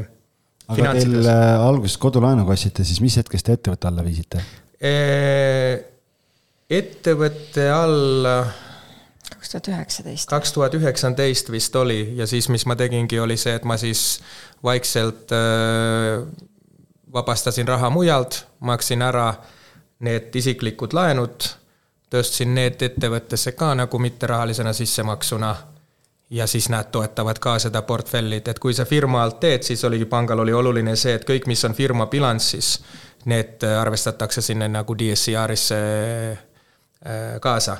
Et, et äh, siiski, kui meil oli lihtsalt, et, et äh, üüritulu näiteks neist isiklikust omatudest korteritest tuli, tuli firmasse, siis näe, ütles, et no see ei ole bilanssis firmas, et et noh, ja, ja ma arvan, et kui me siis kaks tuhat üheksateist alustasime, siis ma ütlesingi Kadrile, et, et et firma, mille all need on, et, et lahkume kõigist teistest investeeringutest et see on nagu panga jaoks ka lihtsam aru saada, eks ole, ja et sul ei ole mingi väärtpabereid seal sees. noh, kui väärtpaberid kukuvad, siis see mõjutab sun noh, mis see nüüd on, kasumiaruannet, bilanssit ja siis sul on jälle üks küsimus pangal rohkem, eks ole, et noh, mis, kust need tulemused tuli, eks ole.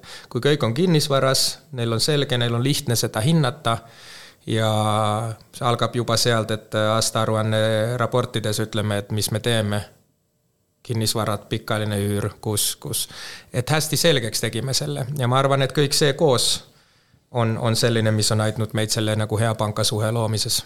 See on ka päris äh, selline eluline ja hästi vajalik, äh, no ma ei saa öelda nipp, aga selline nii-öelda soovitus ilmselt paljudele investoritele, et äh, oma, oma ettevõttes ajage asjad korda, mul on täpselt vastupidi, mul on mul on ettevõttes sada asja, kõik nii-öelda korraga, nii tulude kui kulude mõttes ja siis natukene üritan, üritan ka seal korda hakata looma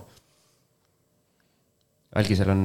Mul on nii eraisiku nagu ettevõtja sul on kõik asjad käest ära? mul on kaos. kaos jah ja.? See on tüüpiline, algise ja üldse maaklerite puhul tundubki kaos olevat elu, selline normaalsus. elu peab huvitav olema. aga mis on teie nii-öelda pikaajalised plaanid, et viisteist korterit on praegu, kuhu te plaanite kasvada või see ongi selline nii-öelda lõpmatu kasv, et? noh on teil piirid ees enda, enda jaoks pandud? no nüüd on selline esmakordne olukord jaanuarist, kus meil ühtegi nagu renoveerimisprojekti ei ole. Ja noh, sisuliselt me passime. igav on või? no me võib-olla natuke naudime seda igavust korraks, korraks ja siis, ja siis asume tegudele mingi hetk. jah, mul pigem ehk läheb igavaks, eks ju, et no., et, et ma just ütlesin eile, et, et et ainult, mis siin nagu motiveerib, on tegelikult see, et kui asjad lähevad edasi, eks ole, et, et kas see nüüd on ettevõtmises või, või, või siin noh, kinnisvaraportfellis või ükskõik mis, et tundub, et kui lihtsalt seisad, siis raiskad aega, ma ei tea, kuhu mul kiire on.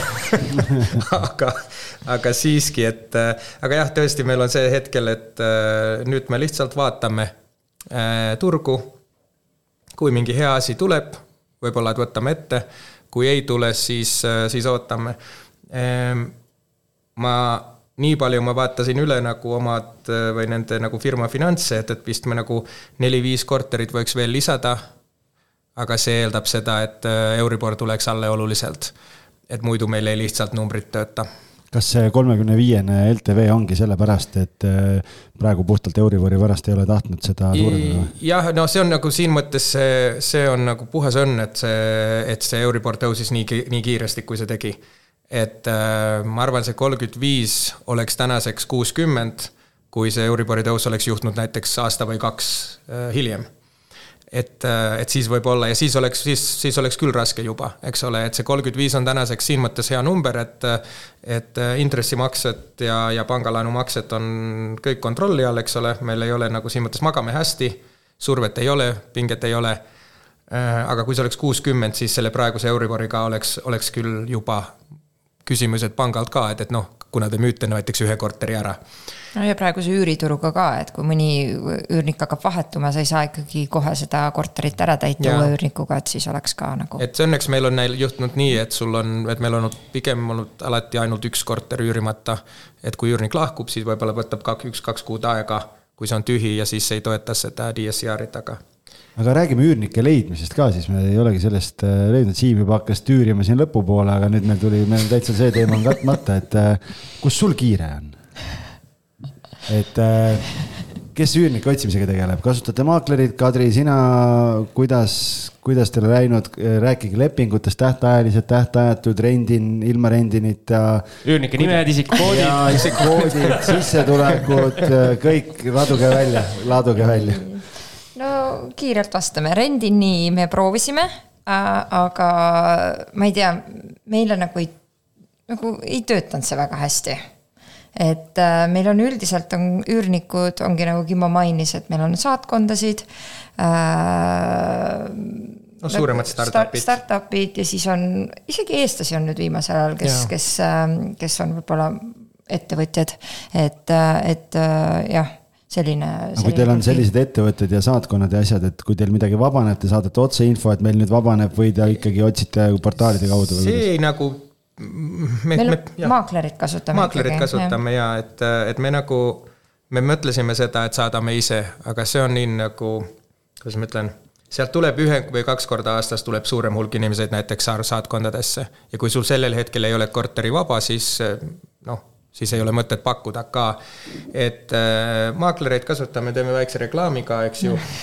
et äh, me oleme seda Kurget korstenit kasutanud, et äh, Bill ja Mariella on olnud nagu hästi edukad seal ja hea koostöö olnud ehm,. ja siis, Luksumit ka. ja, ja Luksumist me oleme ka Lii.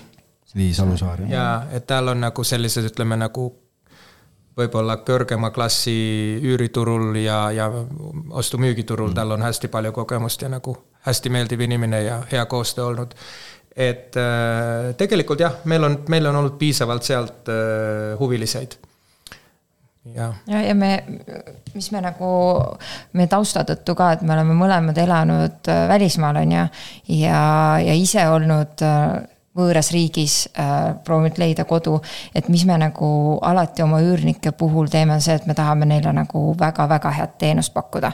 et kui neil on mingi probleem, nad võivad meile iga kell helistada Whatsappis, tekstime kohe, vastame neile võimalikult kiiresti.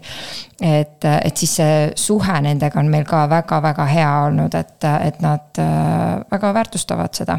et äh, meil ei ole tõesti nagu probleeme olnud kas te pole mõelnud eh, Airbnb-d teha, teie korteriportfell ilmselt toetaks seda mõtet, aga see oleks nii-öelda hoopis, hoopis teistsugune nii-öelda ettevõtmine, olete mõelnud selle peale kunagi?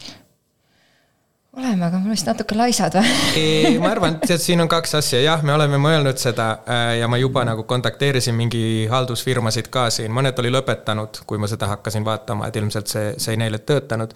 aga noh, meile vist sobib paremini see, et, et see on siiski selline poolpassiivne tulu eks ole, see pikaajaline üür, et äh, et sul ei ole vaja nagu kogu aeg tegeleda sellega, et, et, et üürnik vahetub. ja noh, eile ma olin just äh, pesumasinat parandamas või vaatamas, eks ole, et sellist juhtub nagu korra-kaks, võib-olla nädalas, et peab midagi tegema, no võib-olla mittegi nii palju, korra kuus. korra kuus, jah. et, äh, et see on selline poolpassiivne, eks ole aga siis jah, nende üürnikude probleemidega tegelemine, et, et üks saatis Rotermannis just äh, oli, et keskel ööd tuli, et kuule, et mul on pidu akna all, on teisipäev, et mis ma teen, et mängivad muusikat hästi kiiresti, siis ma ütlesin, et okei okay,, kuule, ma helistan Forusele ja küsin, mis nad saavad teha. Ja siis valvur tuligi ja ütles, et kuule, et võib-olla vale koht siin seda pidu hoida keskel ööd, eks ole, ja lahendatud, et no see on nagu selline hea eesmärk, et, et kui ma olen üleval või valvel, siis ma, ma loomulikult tegelen kohe, aga neid on nii vähe, et meil ei ole nagu haldusfirmat olnud vaja ja, ja Airbnb-st veel nii palju, et see on täiesti teine äri. Ja ka nagu panga poolt, eks ole, meil on nagu heaks kiidetud see pikaajaline üür hetkel kindlustuse poolelt ka. jah, et me seda nagu, jah, me rääkisime seda pangaga ka, et, et kui me soovime proovida, siis nad ütlesid, okei okay,, see on okei okay,, võite proovida, et, et aga siis peaks lihtsalt teadma, et mis projekt läheb sinna Airbnb alle ja, ja, ja nagu siis hindame seda kuidagi teisi, teisiti, et, et, et noh, see on jälle see, et asjad peab olema panga poolt ka selged, et, et see ei ole lihtsalt nii hüppati ühest, ühest ärist teisesse, aga hetkel meile pikaajaline töötab ja, ja vist me seda jätkame noh, algis on sõnatu. ma tahtsin küsida enne midagi, aga sa viisid, sa viisid jutu, viisid jutu mujale ah,. ma tahtsin küsida enne, et selle kümne aasta jooksul, et on siis mingeid suuri probleeme ka teil äh, olnud või, või saate öelda, et üüriäri on nii hea äri, et seal ei ole mitte ühtegi jama? noh, me suuri probleeme meil ei ole olnud, et siin on vist see ka, et, et meie korterid on natuke, ma ütleks, ma ütleks, et nad on kallimad, kui mis turul on aga nad on siiski siin nagu omas klassis äh, natuke nagu kallimate korterite klassis, eks ole, et sellised nagu kaasaegsed, äh, modernsed, mis iganes. et võib-olla, et, et äh, need ekspatid või, või võõras, mis need on õige sõna, välismaalased, kes tulevad siia, et, et nad mingi juhid, ma ei tea, IT-arendajad, muud, et võib-olla, et nad ei ela nii nagu värvikast elu ka, et, et seal et, et seal nagu probleeme tekkis tekiks. et siin suures osas meil ei ole olnud probleeme. Äh, õnne on ka olnud natukene ja, ja. sinul sellist nagu äh, väga head ärilist vaistu, et äh, mäletan, kui sa need uusarenduse korterid ka äh, Uus-Veerennis siis äh, broneerisid et sa tulid koju ja ütlesid, et me ei võta ühte, vaid me võtame kaks või ma ei tea, kuidas see läks. jaa, see oli just. kilo hinnaga. no just, mina olin nagu naisena, kas ikka on õige hetk ja kas ikka on õige tegu, on ju, et aga noh, tagasivaates oli, oli. ja oleks pidanud tegu. rohkem broneerima jälle jälle klassika klassika. aga jaa, on meil olnud, meil oli, meil oli Kentmani tänaval oli huvitav, oli kuskil vist äh, teisipäeva õhtul äh, üürnik ah, ütles, et äh, voolab vesi vannitoa laest alla, et mis on teha, noh, tilgub, mitte voolab. ja, ja siis me hakkasime võtta ühendust nii äh, haldusfirmaga kui, kui ka nende KÜ liikmetega seal või, või juhatusega ja üks juhatuse liige ütles, et äh, mina lähen nüüd magama, vaata ise, kuidas saad haldusfirma ütles, et meil ei ole õigust anda ühegi juhatuse liikme kontakti. me ei tea, kus on äh, kraan, kust vesi pöörata kinni, siiski kui teaks, meil ei ole võtteid sinna hoonesse, sest et seal on mingi äripinnad, kus see on. ja kolmandaks, me ei tohi seda kinni keerata, sest et siis on äh, terve maja ilma vett, eks ju. neli päeva läks, et me saime selle vee kinni ja siis äh, see oli Ülemise, Ülemisest korterist saime, siis leidsime, kes seal Ülemises korteris elas, mingi vana proua ja, ja, ja tema siis äh, poeg tuli kohale ja leidis sealt kraani ja pani kinni, aga neli päeva oli, oli nagu vesi, vesi tilkus, eks ju, et, et. aga esitasite ühistule siis mingi kindlustus, siis äh, tegelikult no. on ju ühistu suunal ilmselge põhjustat-, õigustatud nõue ju jah, ma seda ütlesin neile, et kas te saate nagu aru saate, et, et kui seal oleks mingi päris vee voolamine, eks ole, päris veeavari, et mitte lihtsalt tilkumine, et see neljas päevas terve maja oleks juba uputatud. aga jah, eks ma midagi ei olnud, nad ütlesid jah, nii on, et, et saame aru ja võib-olla, et järgmise korraga tegeleme paremini, eks ju no see ühistu, see ühistu naine on ju, kes siis magama läks, temalt sain mina jällegi kõne paar päeva hiljem, kus ta siis ütles, et mu abikaasa on jõhkard.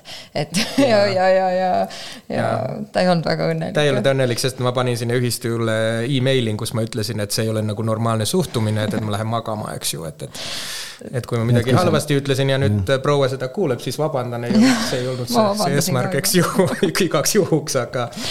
Aga jah, see oli, see oli selline ja natuke nagu, aga üldiselt meil on läinud päris hästi jah, et suuri, suuri nagu jamasid ei olnud. praegu on veel üks asi, ehm, uusarenduses on praegu nagu natuke veel ekib ka, et paneelide vahele jõuab kuskilt vesi, et Mergo uurib.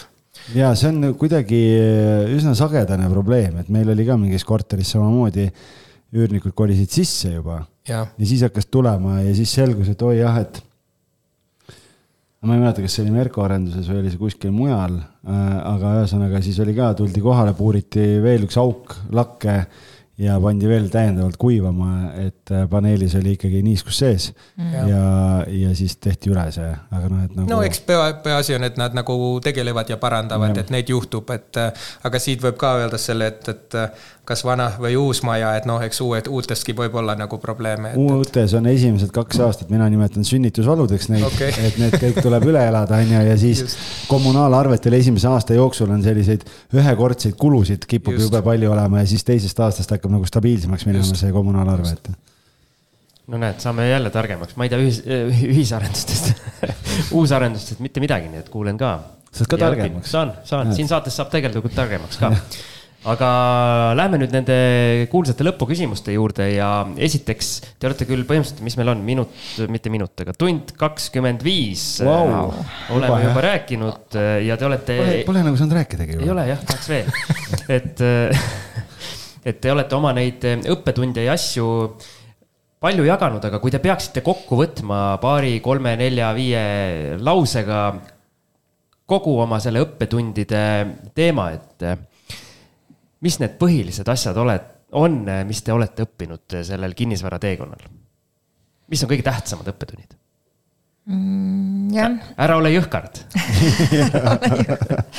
ei, alusta ikkagi, mida varem, seda parem, nagu enamus investeerimislugudega on, et, et äh, tuleb alustada lihtsalt kuskilt otsast ja teha arvutused mm, teha hästi täpselt ja olla realistlik samal ajal. et Excelisse sa võid igasuguseid numbreid panna, aga, aga, aga oluline on see, et sa need arvutused teed ja jääd realistlikuks, et äh,, et siis äh, jah, et, et äh, emotsioonid ja need armumised koduostjale. jah, et koduostja võib endale lubada emotsiooni ostu. et, et äh, jah, ongi ja et, et realistlikult vaatada numbrid üle ähm, jah, nagu sa ütlesid ka varem, eks ju, et, et, et, et vaata, et no no siit peaks saama nii palju üüri. ja siis realistlikult sa ei saa siit seda üürit ja siis mm. sa ei mhm. teagi, mida teha, sest et numbrid ei päriselt klapi. et ongi, ma arvan, et jah, alusta võimalikult äh, kiiresti, eks ju. Äh, numbrid peaks klappima alati realistlikult. ja kui ostad, siis iga euro, mida maksad liiga palju, siis see on sinu kasum, mis sa annad ostuhetkel kellegi teisele. ja vigu tuleb kindlasti, eks ole, et siit esimesest korterist võib-olla, et kui nüüd remondi käigus tuleb midagi ja kui saad plussile selle, siis väga hea. kui läheb pluss-miinusesse, et umbes siis seegi on hea. kui läheb kahjumisse, seegi on hea, see on õpiks. et äh, lihtsalt peab hoidma, et see kahjum ei ole nii suur, et see siis tapab ära ka, et äh, kuskilt peab alustama ja, ja õppima. keeruline see ei ole samuti need Excelid, mida me kasutame, me täiendame neid alati, kui on vaja, aga mingi nagu finantstausta inimene ei vajas sellele, et lihtsalt jah, natuke fookust ja, ja õppimist. põhimõtteliselt te vastasite tegelikult meie teise küsimuse ka ära, et äh, selle nii-öelda alustamise küsimuse, et tuleb siis lihtsalt pihta hakata mm, -hmm. otsast. ja Super. kui veel, ja kui veel oma mingi niši leiab, siis on veel eriti hea fookuse. aga ärge tulge kesklinna kolmetoalistesse sest see nišš on kinni. ei, tegelikult, ei, tulge, me, tegelikult tulge. me mõtleme nii, et äh, mida rohkem siin on investoreid, seda kiiremini me saame need trepikodad korda väga hea, tegelikult jumala ülla eesmärgiga. jah, jah. Eestimaa trepikojad. kõik Eesti trepikojad korda. see saab saate pealkirjaks ja, ja ma veel lõpetuseks ütleks, et kui on veel investoreid äh, teisi meiesuguseid, siis meiega võib julgelt ühendust võtta. väga hea meelega jagame, jagame kogemust äh,, jah. ja, ja te olete ju ka siin saates äh, tänu sellele, et kinnisvaraõhtul käisite, pluss Jaago käsi oli ka mängus siin kuidagi või? ei olnud vist? vist ei olnud, vist sel korral ei olnud. et äh, okei okay,, et Jaago toob meile päris palju häid äh, külalisi, aga, aga ja, et tulge ka meie kinnisvaraõhtutele ja, ja te käisite ka ju seal. ja, et, ja, ja seal ka väga avatult jagasite ja seal ja. mõned, mõned alustajad kuulasid suu ammuli. said tohutu motivatsioonilaengu, ma mäletan seda, kui te käisite sealt ja pärast, kui me laiali läksime. keegi siis... tuli meie juurde, ütles mehed, kutsuge järgmine kord ka. ma oleks kärbes seina peal lihtsalt, et nagu kui see nii edukaid inimesi käib siin, et vau, nagu. et, et seal ongi täiesti ju nendest, kes alles võtavad hoogu kuni, kuni teiesuguste suurinvestoriteni juba välja, nii et väga äge no.. ise te küll nimetasite, et teil on väga väike portfell, aga. võrreldes. oleneb, kellega võrreldes. just, täpselt okei okay.. suur tänu, et te tulite, ülipõnev, ma räägin, poolteist tundi läks niimoodi, et ei jõudnud veel alustadagi, aga, aga noh, eks siis kunagi kutsume uuesti jah, ja, ja kuulajatega kohtume juba siis, äh, järgmine on uue aasta, uue aasta saade, jah ja., meil on see juba purgis ja, ja seal saab siis äh, klaase kõlistada. kõlistame klaase, räägime eesmärkidest. sihuke meeleolukas möla, möla rubriik. möla rubriik jah ja., vahepeal peab äh, mölisema ka aga aitäh kõigile. ilusat aasta lõppu, tšau kvaliteetsed ja kestvad ventilatsioonisüsteemi terviklahendused teie kinnisvarale. Rohkem infot leiad www.knwood.ee. kinnisvara valdkonna spetsialistid kinnisvara kakskümmend neli soovib tänada kõiki, nii oma pikaajalisi kui ka uusi kliente. viimase aasta jooksul on Kinnisvara kahekümne neljaga liitunud üle saja uue kinnisvarabüroo ja arvukalt kinnisvarahuvilisi Kalamajast Setomaani. Teie edukad tehingud on meie number üks eesmärk. aitäh, et olete meiega. sinu Kinnisvara kakskümmend neli